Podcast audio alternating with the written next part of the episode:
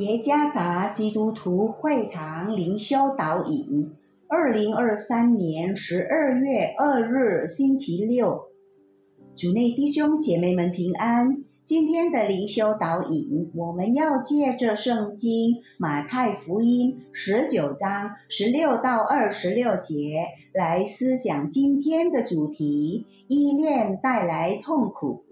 作者肖丽娜传道。马太福音十九章十六到二十六节，有一个人来见耶稣，说：“夫子，有古卷作良善的夫子，我该做什么善事才能得永生？”耶稣对他说：“你为什么以善事问我呢？只有一位是善的。”有古卷作，你为什么称我是良善的？除了神以外，没有一个良善的。你若要进入永生，就当遵守诫命。他说：“什么诫命？”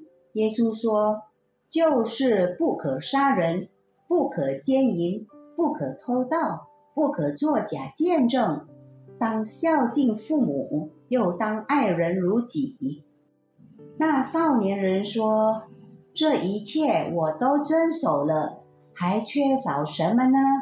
耶稣说：“你若愿意做完全人，可去变卖你所有的，分给穷人，就必有财宝在天上。你还要来跟从我。”那少年人听见这话，就忧忧愁愁的走了，因为他的产业很多。耶稣对门徒说：“我实在告诉你们，财主进天国是难的。我又告诉你们，骆驼穿过针的眼，比财主进神的国还容易呢。”门徒听见这话，就稀奇的很，说：“这样，谁能得救呢？”耶稣看着他们说。在人这是不能的，在神凡事都能。悲剧的是，歌手惠特尼·休斯顿在格莱美颁奖典礼当晚去世。格莱美奖是一项盛事，也是为最伟大的音乐表演颁奖的活动。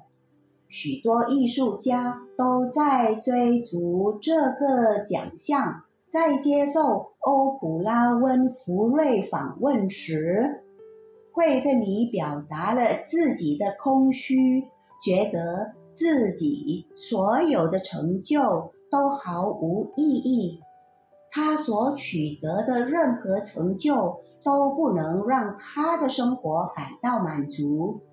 惠特尼的生与死提醒我们，世间所有的名利。财富和崇拜都是空虚而毫无意义的。在耶稣遇见一位富有的年轻人的故事中，向我们展示了他是如何将财富作为敬拜的对象。所以，当主耶稣叫他变卖一切所有的，分给穷人时，这个年轻人伤心的离开了。这个年轻人的心如此依附于他的财富，以至于他再也看不见自己真正的需求。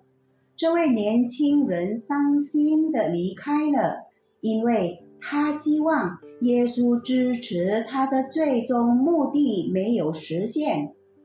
这个年轻人的一生。都被财富而不是神所控制，他的财富就是他的偶像。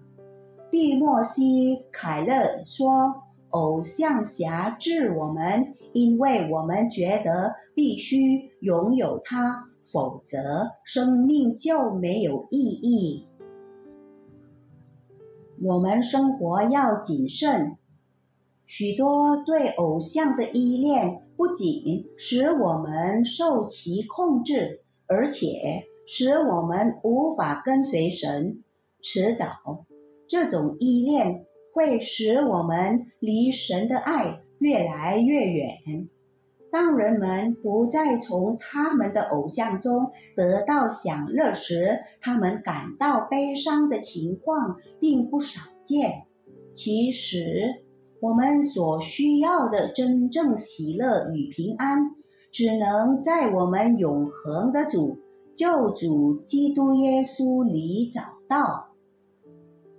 依附神的人。会相信他是真正享乐的源泉。主耶稣赐福。